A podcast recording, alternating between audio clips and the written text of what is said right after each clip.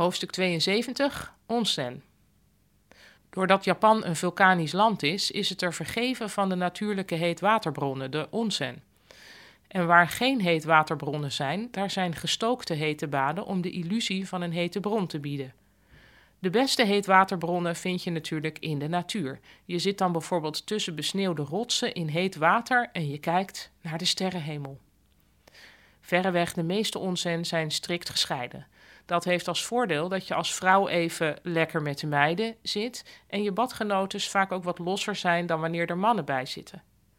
Voordat je de onsen ingaat, moet je je eerst met zeep wassen op een klein krukje. Na deze wasbeurt overgiet je jezelf met een tijltje water. Soms is er een douche waarmee je de zeep kunt afspoelen.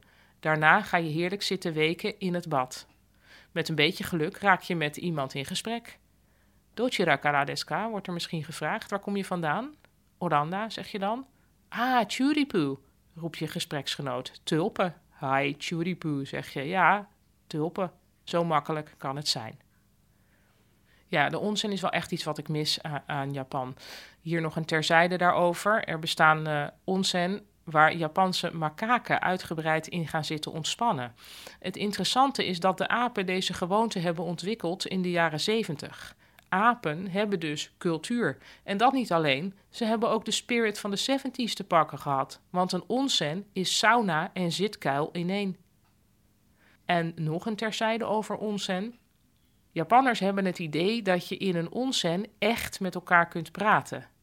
Hadaka no heet dat, naakte communicatie. Vaak gaan bedrijfsuitjes naar een onsen, zodat je eindelijk eens lekker in je naki met je baas kunt praten zonder al die formaliteiten ertussen.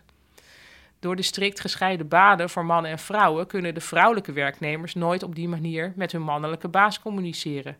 Ik ben er nog niet over uit voor wie ik dit het zieligst vind: de vrouwen die niet mogen of de mannen die moeten.